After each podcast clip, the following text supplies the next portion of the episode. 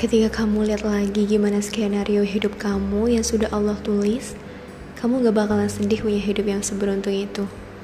Kamu hanya fokus pada sakitnya, yang justru itu semakin nambah beban di hidup kamu sehari-hari. Coba dibuka lagi cara pandangnya. Coba kamu fokus pada pelajaran apa yang sedang Allah coba sampaikan ke kamu.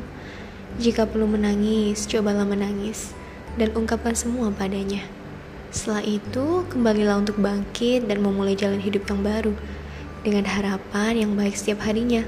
Dengan bangkit dengan sekuat-kuatnya tenaga, kamu pasti bisa melalui ini semua karena ada Allah yang kamu punya.